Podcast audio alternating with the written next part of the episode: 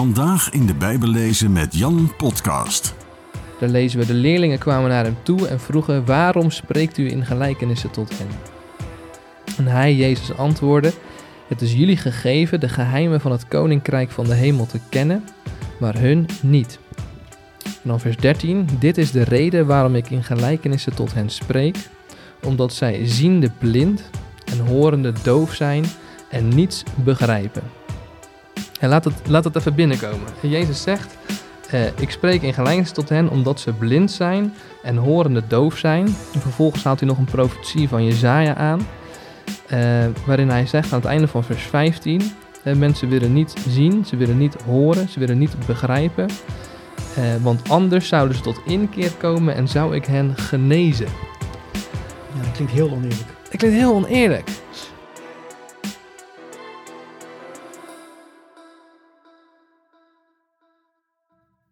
Hoi en welkom bij de tweede aflevering van Bijbellezen met Jan. Hierin heb ik een gesprek met voorganger Bart van Nes. Bart is ook schrijver en trainer bij het Sermon Movement Center. Hij is bovendien auteur van een boek over de gelijkenissen van Jezus. Dat is erg boeiend om te lezen en daarom heb ik hem uitgenodigd als gastspreker voor het Bijbel in één dag seminar dat op 16 september 2023 plaatsvindt in Naardenwijk. Als je deze aflevering luistert voor deze datum, kijk dan op bijbellezenmetjan.nl slash seminar voor alle info. Tot zover deze korte introductie. Laten we gauw naar het gesprek met Bart gaan. Ja Bart, goedemiddag. Leuk dat jij eh, binnenkort eh, met ons het seminar gaat doen van de Bijbel in één dag. Dan gaan we het hebben over twee onderwerpen natuurlijk. De gelijkenissen onder andere en openbaring. Um, maar kun je eens iets over jezelf vertellen, je eigen achtergrond? Ja, hartstikke leuk om aan te mogen schrijven op die dag en ook nu in de podcast. Mijn naam is Bart van Nes. Ik ben 30 jaar oud. Ik ben getrouwd met Corine. Vader van twee kinderen en sinds iets meer dan twee jaar voorganger in Wijk bij Duurstede. Ben ik voorganger van Baptistengemeente De Haven. En daarnaast mag ik uh, mensen trainen in spreekvaardigheid bij het Sermon Movement Center. Dus dat is een uh, mooie combinatie om te doen, zowel lokaal als in het land. En daar uh, geniet ik heel erg van. Ah, leuk. Wat ehm, doet het Sermon Movement Center precies? Sermon Movement Center helpt mensen om, zoals we dat zo mooi zeggen, hun stem te vinden. Zodat ze woorden kunnen geven aan hun hoop en deze wereld tot een betere plek kunnen maken. Dus het gaat over leren spreken, maar niet alleen om techniek, maar ook om als persoon tevoorschijn te komen, zodat je je verhaal kunt vertellen um, en daarmee ook echt impact kunt, hebben in je omgeving. Ja, precies. Ja, en jullie hebben natuurlijk ook een uh, hele academy, hè, waarbij je ook allerlei uh, bijbeltrainingen kunt volgen. En ik heb er zelf een aantal gevolgd en zo, zo ken ik jou natuurlijk ook. Um, ja, en ik uh, had natuurlijk mijn lezers gemaild van uh, Bart van Nes komt spreken op mijn Bijbel in dag seminar. En toen kreeg ik een mailtje terug van een gemeentelid van jou. Ik dacht van ja, ik heb Bart al heel vaak gehoord. Ik zei, oh, dan, ben je al wel zat zeker. Nee, zegt ze, Bart, die wordt je nooit zat. Kijk, dat is een mooi compliment. Dat is een mooi compliment inderdaad. Um, ja, en jij hebt je verdiept in een aantal onderwerpen. Ik noemde ze al eventjes. Onder andere de gelijkenis gaan we het over hebben op uh, 16 september. Ja. Um, daar heb je ook een boek over geschreven. Ik heb het hier ook voor me liggen. Dat heet De Zaaier, de Koning en de Erfgenaam. Dat gaat natuurlijk over de gelijkenissen. hoe ben je ertoe gekomen om je juist in dat boek te verdiepen? Wat is het verhaal erachter? Ja, ik weet nog goed dat ik samen met een vriend een keer zat, ook theologie gestudeerd, mede predikant. En we hadden gewoon een gesprek over. Hij stelde aan mij de vraag: welk, welk Bijbelverhaal, welk gedeelte vind je nu echt irritant? Als in wat schuurt, wat prikkelt. En toen moest ik onmiddellijk denken aan de gelijkenissen. En in het bijzonder de gelijkenis van de werkers in de wijngaard. Dus de gelijkenis dat verschillende mensen op verschillende momenten in de wijngaard gaan werken. En aan het eind van de dag krijgen ze evenveel betaald. Wat natuurlijk de reactie uitlokt. Ja, dat is super oneerlijk. En ik zei tegen hem, wat me zo verbaast, is dat die reactie van de mensen in de tekst, dat is oneerlijk. Hè, dat is de reactie die ik ook voel als ik zo'n gelijkenis lees of als ik er weer over hoor. Uh, en dat zette me eigenlijk op het spoor met de vraag van, hoe kan het nou dat die gelijkenissen uh, zoveel jaar later nog steeds dat soort gevoelens, reacties kunnen triggeren, kunnen uitlokken in mij? En tegelijkertijd dus ook een venster openzetten van, oké, maar wat zegt dat dan over mij? Als ik dit voel en dit, dit ervaar bij zo'n verhaal. Dus ik dacht, hé, hey, dat is eigenlijk wel boeiend. En die gelijkenissen zijn dus verhalen. Het lijkt alsof je staat te luisteren naar een verhaal. En toch gaat het ook over mij. En toch doet het ook iets met mij. En hoe kan dat dan? Nou, en dat, dat maakte dat ik me daar echt uh, in wilde gaan verdiepen. Ja, hmm, ja precies. Um, en klopt het dat je tijdens de pandemie hebt geschreven? Ja, dat klopt ook. Hè? Dat, is, dat is eigenlijk het tweede spoor. het eerste zou je nog kunnen zeggen is een soort intellectuele interesse. Uh, maar drie jaar geleden gingen mijn uh, vrouw en ik naar Portugal verhuizen. Wij waren allebei stafwerker bij IFES Nederland, waar we studenten pastors waren. Ik in Rotterdam, zij in Zwolle en Deventer. En op een gegeven moment vroegen ze in Portugal aan IFES Nederland... kunnen jullie mensen sturen om ons te helpen met het uh, internationale studentenwerk? En uh, mijn vrouw die wilde altijd wel graag naar het buitenland. Ik eigenlijk niet. Maar goed, we gingen trouwen en dus gaat het dan door. dus toen kwamen we daar en um, dat was een ontzettend mooie tijd ontzettend veel geleerd. Maar we waren daar aangekomen in september 2019. Uh, ehm, toen hebben we ook met heel veel studenten de Bijbel gelezen. Daar gaan we zo meteen misschien nog even over hebben. Maar in het voorjaar van 2020 brak corona uit. En Portugal was een van de eerste die de universiteit helemaal dichtgooide. En wij kwamen dus thuis te zitten. En in eerste instantie dacht ik nog, nou nu komt de grote opwekking. Want al die studenten voelen zich eenzaam en zijn allemaal verlangend naar God. En uh, dat bleek wel mee te vallen. En het meest geestelijke wat ik op dat moment kon doen was echt thuis zitten. Nou, dat vond ik verschrikkelijk. En juist op dat moment, eh, toen ik aan het einde was van al mijn kunnen, al mijn theologie, mijn slimme manieren om mensen te bereiken en te winnen voor Jezus.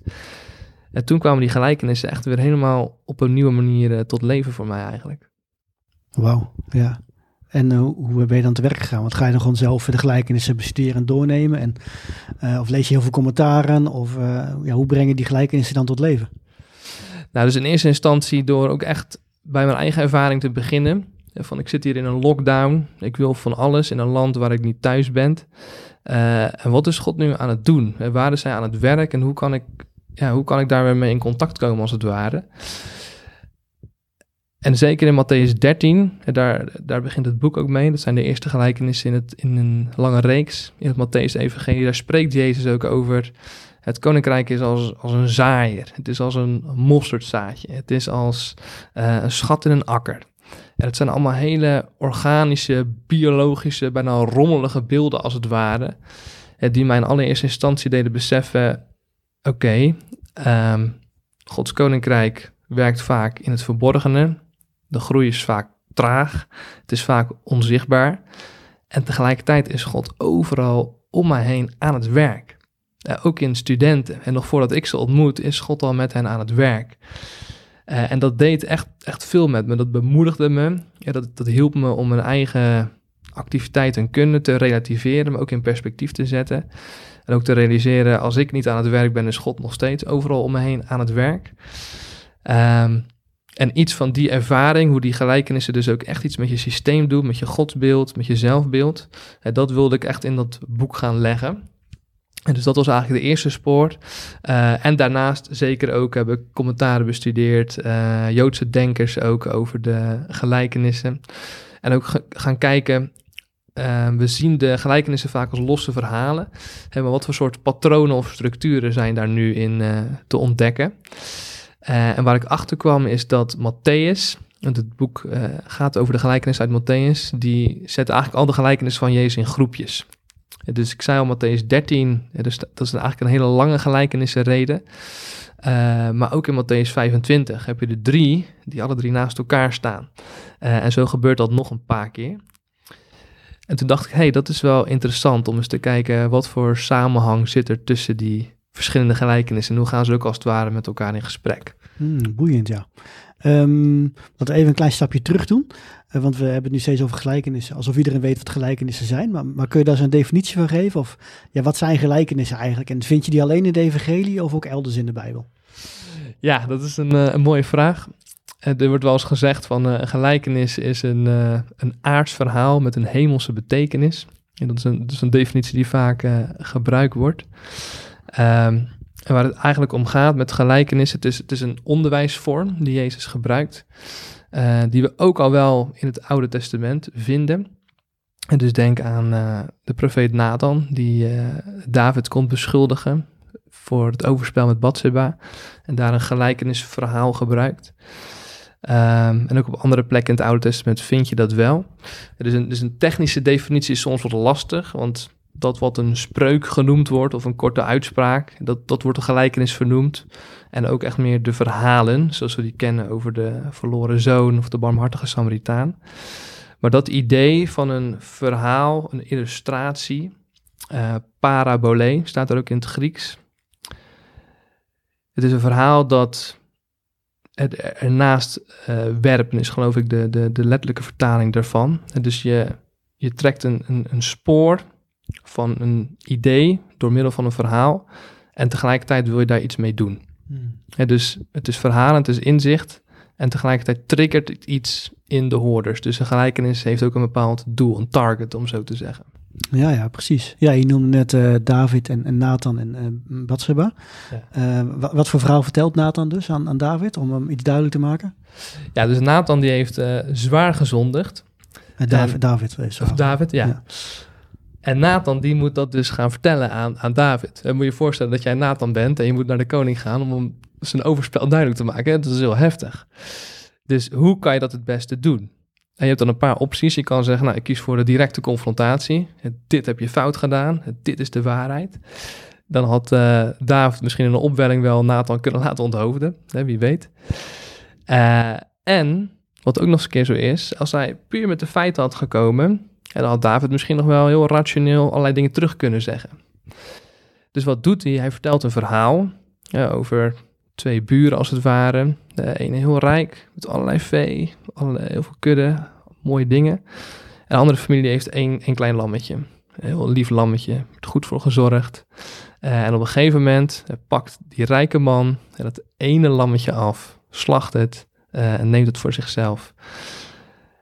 En David zegt, ja, maar dat is verschrikkelijk. Dat kan toch niet? En dan trapt hij als het ware in een soort val want zijn medelijden, zijn emotie wordt opgeroepen. Zijn rechtvaardigheidsgevoel wordt aangesproken. En dan als een soort ninja hè, komt dat verhaal als het ware recht in zijn gezicht en zegt Nathan, nee maar, nee maar jij bent die man. Hmm. waarop David tot de realisatie komt, oh help, uh, ik, ik, ben er, ik, ben, ik ben erbij. Dus eigenlijk landt het verhaal veel dieper bij hem of zo, uh, ja. Ja, eh, C.S. Lewis is um, de schrijver van de Chroniek van Narnia onder andere. En die heeft een hele mooie uitspraak als het gaat om verhalen en ook gelijkenissen. Dan heeft hij het over uh, to sneak past watchful dragons, zegt hij. Oh. Hij zegt ons intellect is soms als een, als een draak mm -hmm. die klaar staat, alert is om tegenargumenten te geven als we beschuldigd worden of om in de weerstand te schieten of wat dan ook. En hij zegt verhalen zijn eigenlijk hè, van, die, van die sluip sluiproutes, hè, die, die draken van ons verstand, ons brein, onze weerstand omzeilen en als het ware recht in ons hart lopen. Mooi, ja. Um, en als we kijken naar de gelijkenissen dan in de evangelie, dus de gelijkenis die zeg maar Jezus vertelt, ja. gaan die bijna altijd over het koninkrijk van God of misschien zelfs altijd? Ja, dat is eigenlijk de, het grote thema van inderdaad de gelijkenissen. Jezus begint zijn gelijkenissen bijna altijd met niet er was eens, maar het koninkrijk van God is als. En dan komt er een verhaal, een metafoor of een voorwerp. Um, en het spannende daarvan ook is dat hij vaak zegt: het koninkrijk van God is als. En soms zegt hij ook: het koninkrijk van God zal zijn als. De komende tijd. Dat gebeurt, tijd. gebeurt nog, ja. Ja, dus er zit ook iets in van hoe het koninkrijk nu is en hoe het zal zijn. En ook de spanning die dat uh, oproept tussen wat is en wat zal zijn.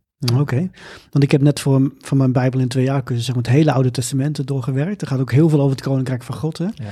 Maar dan wordt het wel eh, over het algemeen neergezet als iets wat heel krachtig is. Iets wat met, ja, er komt een Messiaanse koning die over alles zal heersen en zo. Maar de voorbeelden die jij er straks aanhaalde, van onzichtbaar, langzaam, gestaag, dat strookt gewoon niet met elkaar. Nee.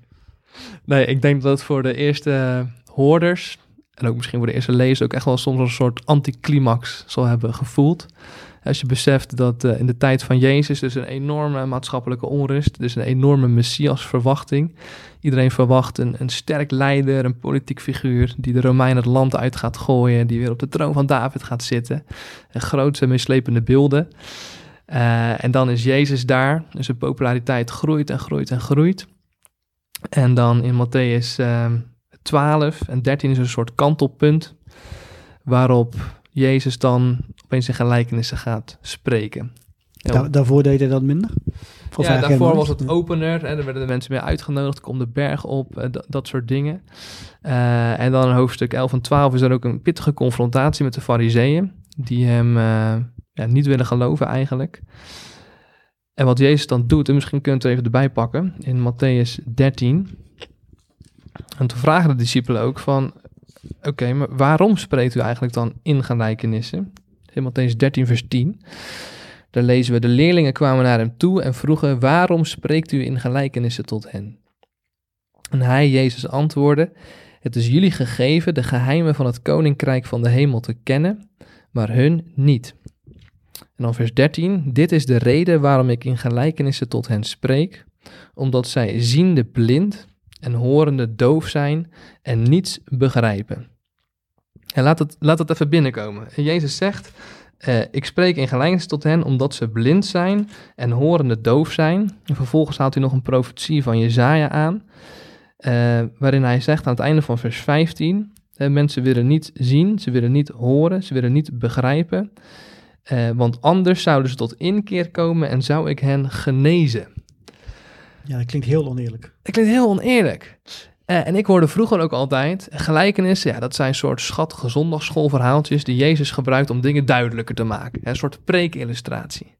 Maar wat hij hier zegt, is precies het tegenovergestelde. Hij zegt, ik gebruik niet gelijkenissen om dingen makkelijker te maken, maar ook juist om ze moeilijker te maken. Dus dat is heel apart. Ehm, dus dat betekent dat elke keer als Jezus een gelijkenis vertelt, dat er twee dingen gebeuren. Dus enerzijds zijn er mensen die het oppikken, die het snappen en ze gaan meer begrijpen over wie God is en hoe zijn koninkrijk werkt. En er zijn ook mensen die staan te luisteren, die denken dat ze weten waar het over gaat, die denken te snappen, maar ze snappen het eigenlijk helemaal niet. En hun hart gaat eigenlijk alleen nog maar verder op slot. Dus een gelijkenis horen van Jezus is dus een hele spannende aangelegenheid, zou je kunnen zeggen. Het is nooit neutraal. Of je gaat er verder van op slot, of je gaat er verder van openstaan. Ja, ja, je zou denken ook eh, als Jezus een goede evangelist was, dan zou hij zorgen dat iedereen het begreep. Ja. Maar dat doet hij dus niet. Nee, nee, het ligt, de, de boodschap van het koninkrijk ligt niet zomaar op straat voor het oprapen voor iedereen. En je moet dus echt ook moeite doen om goed te luisteren. En dat verklaart dus ook waarom die eerste gelijkenis in Matthäus 13 met name gaat over horen. Over het zaad dat gezaaid wordt eh, en de grond waarin het terechtkomt. En de grote oproep van de gelijkenis eh, is dan, hè, wie oren heeft, die moet goed luisteren. En wat ik hier vertel, let op, hè, want dit is belangrijk. Je kan, niet, je, je kan het je niet veroorloven om een beetje passief achterover te gaan zitten en te denken, oh, dit snap ik wel, dit weet ik wel. Nee, want dan is de kans heel groot dat je de boot juist mist. Precies, ja, ja. En je moet je hart heel erg toetsen ook, hè? Ja. Dat is ook een beetje, ja, want met die bodemsoorten, eh, eh, ja, wel- welke hartsgesteldheid heb je? En heb je een hart, hart, of een oppervlakkig hart of, of een, heel, ja, een hart dat heel erg open staat om te, om te luisteren juist. Ehm, maar he- heb je dan ook een antwoord op de vraag waarom Jezus dat dan zo doet? Waarom hij niet duidelijker is? Waarom wil hij toch voor een gedeelte van die mensen, ook al luisteren ze dan niet, eh, die boodschap verborgen houden? Ja, ik denk juist omdat hij dus iets met ons hart wil doen. En dus dan kom je een beetje terug bij, bij Lewis. En moet je je voorstellen dat al die, al die mensen allerlei beelden, verwachtingen hebben van wie Jezus voor hen is. Eh, en misschien hoeven ze maar een flar te horen van een verhaal. En ze denken, ja precies, dat is wat ik wil. Dat is wie ik wil dat Jezus voor mij is. En met die gelijkenissen bouwt Jezus ook als het ware een soort vertraging in. Om mensen even te laten nadenken, wakker te schudden. Oh hé, maar dit had ik niet verwacht. Ik had een sterke leider verwacht. En dan krijg ik het beeld van een zaaier. Dat klinkt heel saai, heel suf, heel kwetsbaar ook. Hè, want het zaad valt op de grond en bam, het is zo weg als het ware. Ehm, dus die gelijkenissen die doen iets met je systeem. En daar is Jezus denk ik echt op uit. Hè, dat we de beelden die we hebben van God, van Jezus, van het Koninkrijk, dat die, dat die ontregeld worden als het ware. En dat die opnieuw ook afgestemd worden op wat Jezus werkelijk voor ogen heeft. Dus hij wil ook niet dat we te snel met hem aan de haal gaan. Maar dat die gelijkenissen ons, met ons aan de haal gaan. En dat is wat er moet gebeuren. Ja, dat is een heel bewust eh, met hem meegaan eigenlijk. Ja, de oude Puriteinse predikers die zeiden het heel mooi. Die zeiden, dezelfde zon die het ijs laat smelten, die verhardt ook de klei. Hmm. Ja, dus de ene mens wordt er harder van en de andere mens wordt er opener van. Ja, ja mooi gezegd. hè. Dat hebben ze goed voor elkaar, die eh, Puritijnen. Ja. Ja, precies. Ehm, klopt het ook dat je de gelijkenissen vooral in de eerste drie evangelieën vindt? Dus eh, Matthäus, Lucas, Marcus. Ja. En eigenlijk niet in Johannes. Is daar ook een reden voor? Ja, klopt. Het is de, de eerste drie eh evangeliën die leunen heel erg op elkaar. En Johannes is een beetje de, de vreemde eend in de bijt van de vier, om, eh, om zo te zeggen. En Johannes heeft natuurlijk wel heel veel beeldspraak waar hij ook gebruik van maakt. Denk ook aan de grote zeven ik ben uitspraken in het Johannes-evangelie. Ehm, en ook qua traditie. Ehm, de eerste drie evangeliën die, die leunen ook wat eh, op elkaar. Er is wel discussie over of Marcus dan de eerste is of Matthäus de eerste is. Misschien ga jij daar nog wel eens wat dingen over zeggen. Eh, maar ze zijn van elkaar ook afhankelijk. En tegelijkertijd, wat daarbij wel heel interessant is, is dat ehm, in die eerste drie evangeliën komen er ook verschillende gelijkenissen voor. Er is ook overlap. Maar zelfs wanneer er overlap is, zijn er soms toch hele kleine subtiele verschilletjes als het ware. Ehm, dat laat dus zien dat de evangelisten ook heel bewust hebben nagedacht over welke gelijkenissen gaan we vertellen en waar plaatsen we die in ons verhaal. Hmm. Dus ik zal je een voorbeeld geven. De gelijkenis van het verloren schaap. Die vind je zowel in Matthäus als in Lucas. En in Lucas vind je hem in hoofdstuk 15. En net voor de gelijkenis van de verloren zoon, een van de beroemdste gelijkenissen, vertelt Jezus drie gelijkenissen over dingen die verloren zijn. Er is een, een, een munt is er verloren, er is een schaap verloren en uiteindelijk is de zoon verloren. Dus een soort ultieme drieslag van Jezus qua evangelisatieverhalen zou je bijna kunnen zeggen. Eh, en daar ligt het accent echt op. Het schaap is verloren, het moet gevonden worden en er is vreugde als hij weer thuis komt. En het publiek waar Jezus ook voor spreekt, hij trekt dan door Samaria. Het is echt een, een oproep eh, dat God een God is die zoekt en wil, wil vinden. Terwijl in Matthäus, hè, daar vind je de gelijkenis van het verloren schaap gericht aan de discipelen. In wat we de ecclesiologische reden noemen. Dus de reden over de kerk. En daar gaat Is dat dan het begin of het eind van Matthäus? Of- ja, dan zitten we denk ik in hoofdstuk 16, 17, 18. Ik zal even kijken. Ah, dus Ja, hoofdstuk- eh, hoofdstuk richting 18. de periode dat naar Jeruzalem gaat. Ja, hoofdstuk 18 zitten we dan. Eh, en daar gaat het kwijt zijn van het schaap. Eh, dat gaat daar over het struikelen van het schaap. Over dat het schaap op een verkeerd spoor wordt gezet door een verkeerde leer, als het ware. Hmm. En dat is net even een andere context dan hoofdstuk 15 van Lucas. Want in hoofdstuk 18 wil Jezus met name aan de discipelen laten zien: ik ga een gemeente bouwen door jullie heen. Eh, en jullie hebben echt zorg te dragen voor zwakke, kwetsbare schapen. En als jullie hen laten struikelen, van de, de juiste weg laten afglijden, dan heeft dat hele heftige consequenties ook. Ehm, dus Jezus zegt ook, hoofdstuk 18 van Matthäus, vers 7, wee de wereld met haar valstrikken. Dat er valstrikken zijn is onvermijdelijk, maar wee de mens wie die valstrik zet.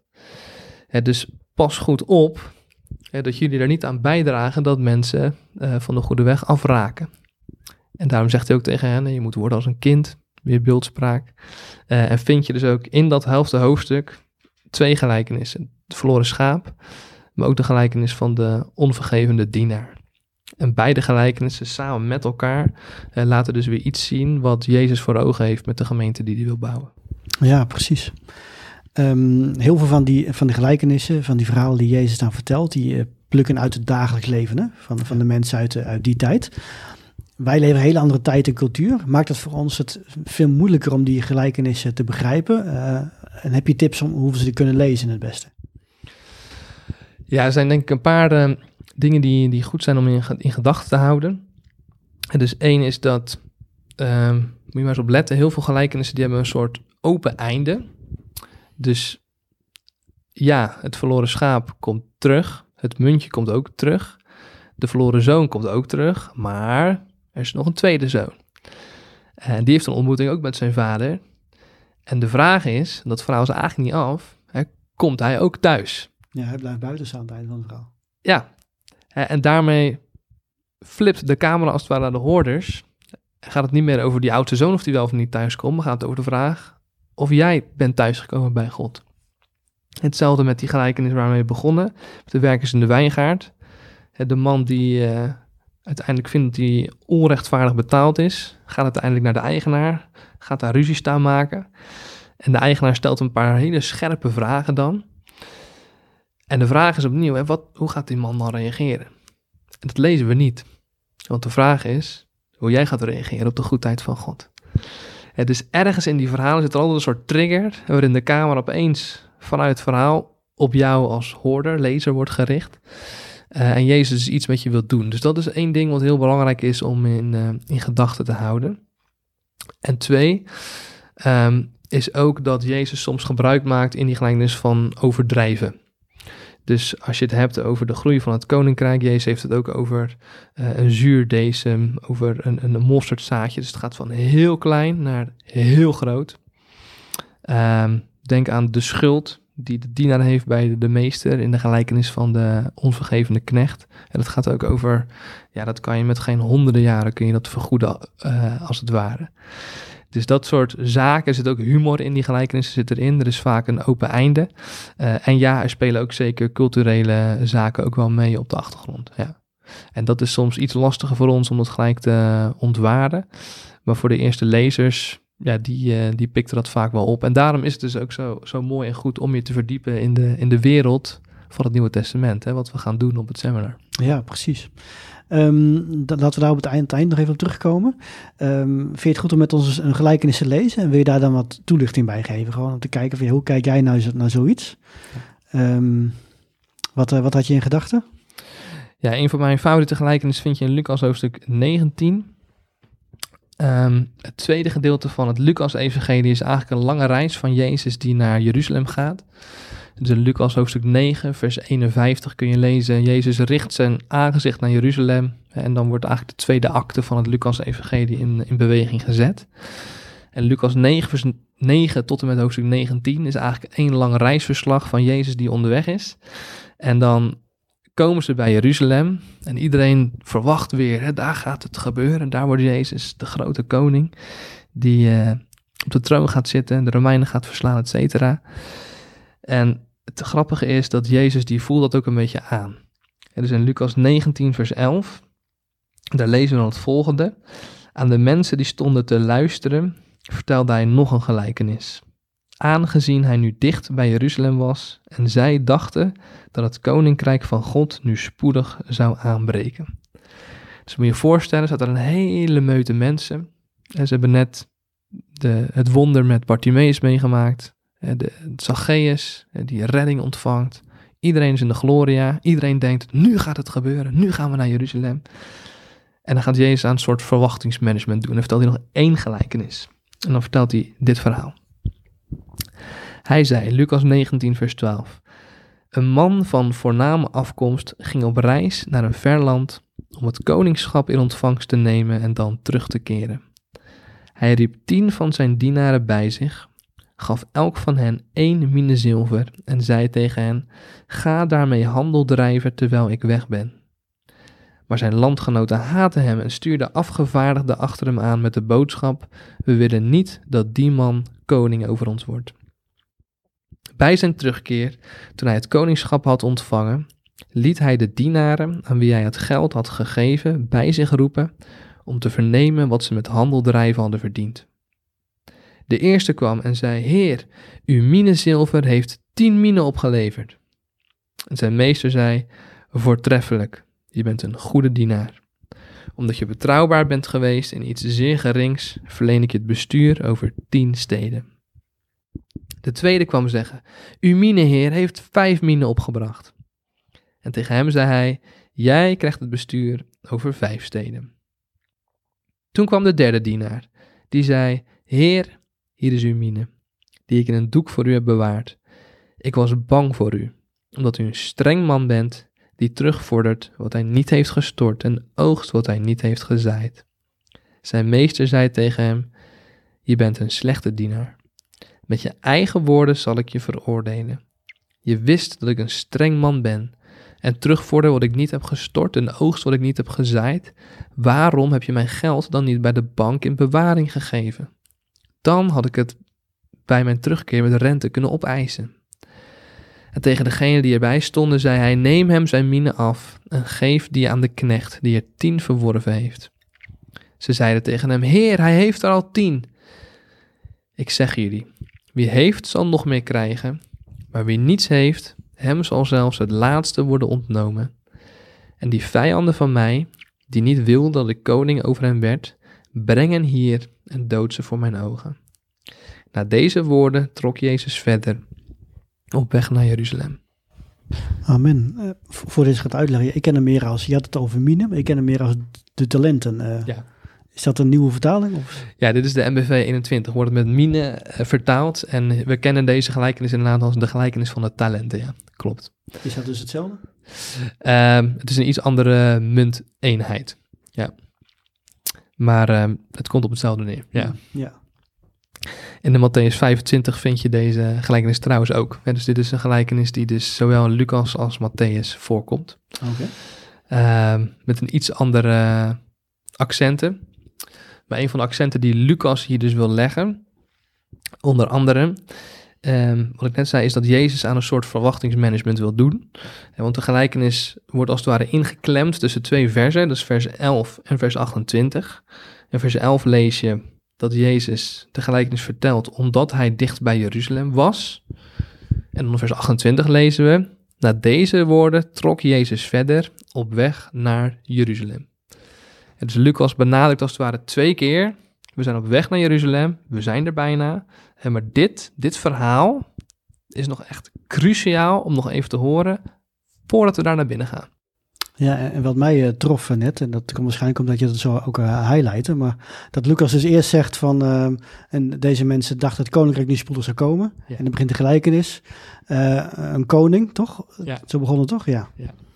De man van voorname afkomst gaat op reis om een koningschap in ontvangst te nemen. Ja, precies, dat ja. ja.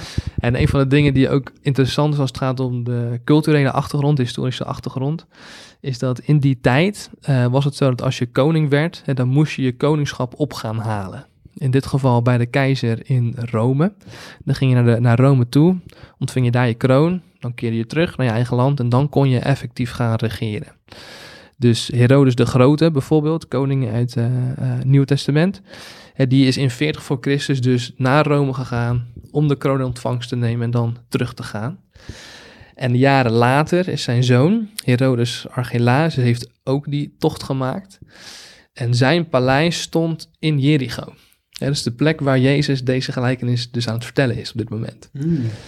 Dus als Jezus het heeft over een man die weggaat om een koningschap op te halen en terug te komen, en dan weten zijn hoorders dus direct, oh ja, maar dat gaat over de Herodes onder andere. En dat, dat plaatje, dat hebben zij gelijk voor zich. En dat krijgt dus extra lading, omdat hij dat dus ook in Jericho vertelt. Ja, precies. En Herodes de Groot is dan denk ik de Herodes die uh, Jezus als kind wilde vermoorden. Ja.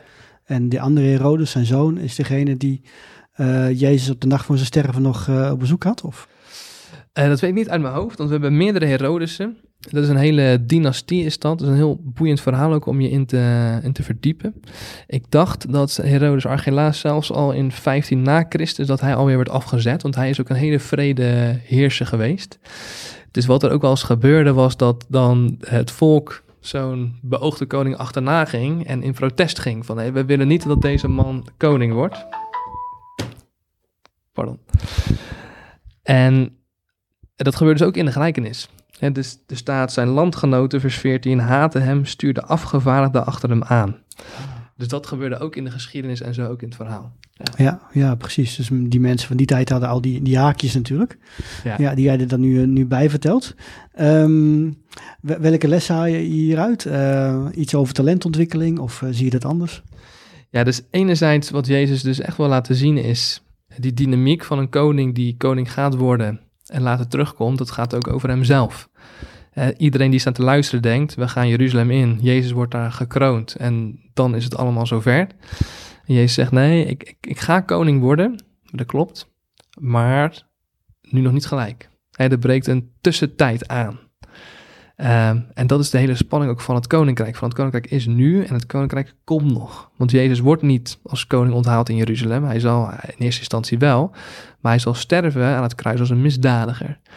En pas met zijn tweede komst, dan zal Jezus zichtbaar koning zijn voor iedereen en ook door iedereen erkend worden als koning. Dus dat betekent dat, zoals de mensen toen in afwachting waren van de koning die terugkomt om te gaan regeren, zo zijn ook wij de leerlingen, discipelen van Jezus toen en ook nu, in afwachting van zijn komst. En de spannende vraag wordt dan, wat doen wij in de tussentijd? En wat betekent het om te wachten op Jezus die koning wordt? En één perspectief, wat deze gelijkenis dan laat zien, is dat Jezus ons zijn vermogen toevertrouwt.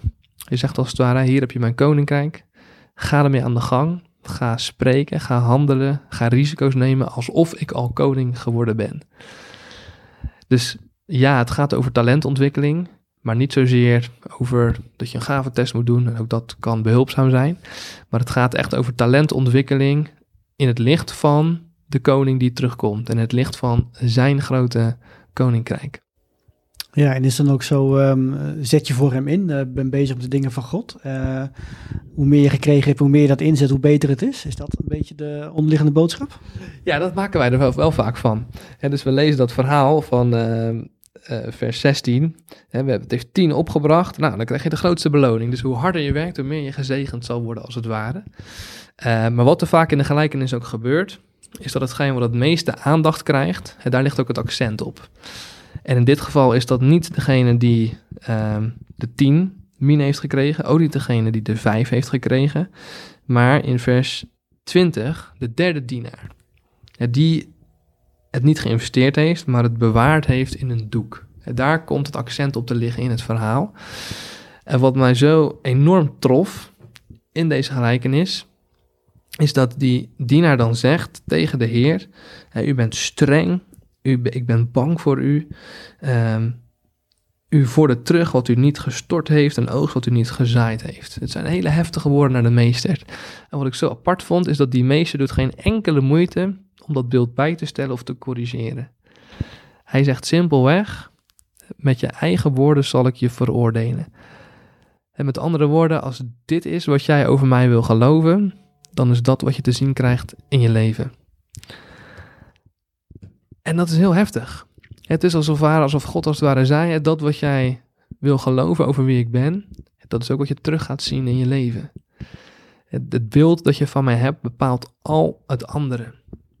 Dus de hoofdvraag van deze gelijkenis, in tegenstelling tot wij, wat wij vaak denken, is niet per se wat doe je allemaal voor God en hoe hard loop je allemaal voor Hem. Maar de vraag die daaronder ligt is nog belangrijker, namelijk wie is jouw koning? Hoe kijk je ten diepste naar hem? Welk beeld heb je van Jezus? Is hij goed, groot en gul? Of is hij karig, gierig en zuinig? En het beeld dat je hebt van God, en dat bepaalt ook hoe je wel of niet aan de gang gaat met die gaven. Dus Jezus wil ons ten diepste iets leren ook over wie hij werkelijk is en hoe, over hoe je naar hem kijkt. Misschien nog meer dan dat laatste dan het eerste, hè? meer van hoe je naar hem kijkt. Want hij zegt inderdaad niet van uh, je hebt gelijk of je zit ernaast. Ja. Maar alleen maar je, bevestigt het beeld. Hè? Het gaat over het beeld, ja. ja. Precies. En dat is spannend. Hè? En dan komen we eigenlijk weer terug bij waar we ook een beetje begonnen. En die gelijkenissen doen twee dingen. Dus voor sommige mensen openen ze juist het koninkrijk. En die worden er enthousiast van. En die gaan ermee aan de gang. En voor anderen is het juist, nee, maar ik heb dit beeld, dus ik wil daarin bevestigd worden. Uh, en dat is ook wat de dienaren dan uiteindelijk zeggen in, in vers 25, degene die dan heeft, die krijgt nog meer. En dan zeggen ze, Heer, hij heeft nog meer. En dan zegt Jezus in vers 26, wie heeft zal nog meer krijgen, maar wie niets heeft, hem zal zelfs het laatste worden ontnomen. En dan heb je weer dat, dat dubbel effect. Mm. En dus juist als je open staat, als je goed luistert, en dan wordt het alleen maar meer. Uh, maar als je toch eigenlijk al bedacht dat Jezus niet zo is zoals hij werkelijk is, en dan wordt het nog minder. Ja, mooi. Um, nou, dan gaan we 16 september gaan we hier dan over doorpraten. Uh, waar uh, wil je het dan over gaan hebben uh, in, in het kort? Wat, wat kun je daar al over een tipje van de sluier oplichten, wat je dan wil gaan, gaan delen? Ja, we gaan echt nog een heel stuk dieper door op hoe kan het nou dat die verhalen echt iets met je systeem doen. En in het boek heb ik het over eigenlijk drie dingen. En de gelijkenissen doen iets met je verwachtingen. Ze doen iets met je verlangens. Uh, en ze doen ook echt iets met je, met je godsbeeld. Uh, en die drie dingen, daar gaan we, het, uh, gaan we het over hebben met elkaar. Tot zover dus het gesprek met Bart over de gelijkenissen. In een volgende aflevering praten hij en ik verder over hoe je openbaren kunt interpreteren. Ben je trouwens geïnteresseerd in ons seminar? Of wil je graag dagelijks met mij de Bijbel lezen? Kijk dan op bijbellezenmetjan.nl. Hier vind je blogpost, mijn podcast, maar ook mijn boeken, cursussen en challenges. Kijk daarvoor op de shoppagina. Hartelijk dank voor het luisteren en veel zegen.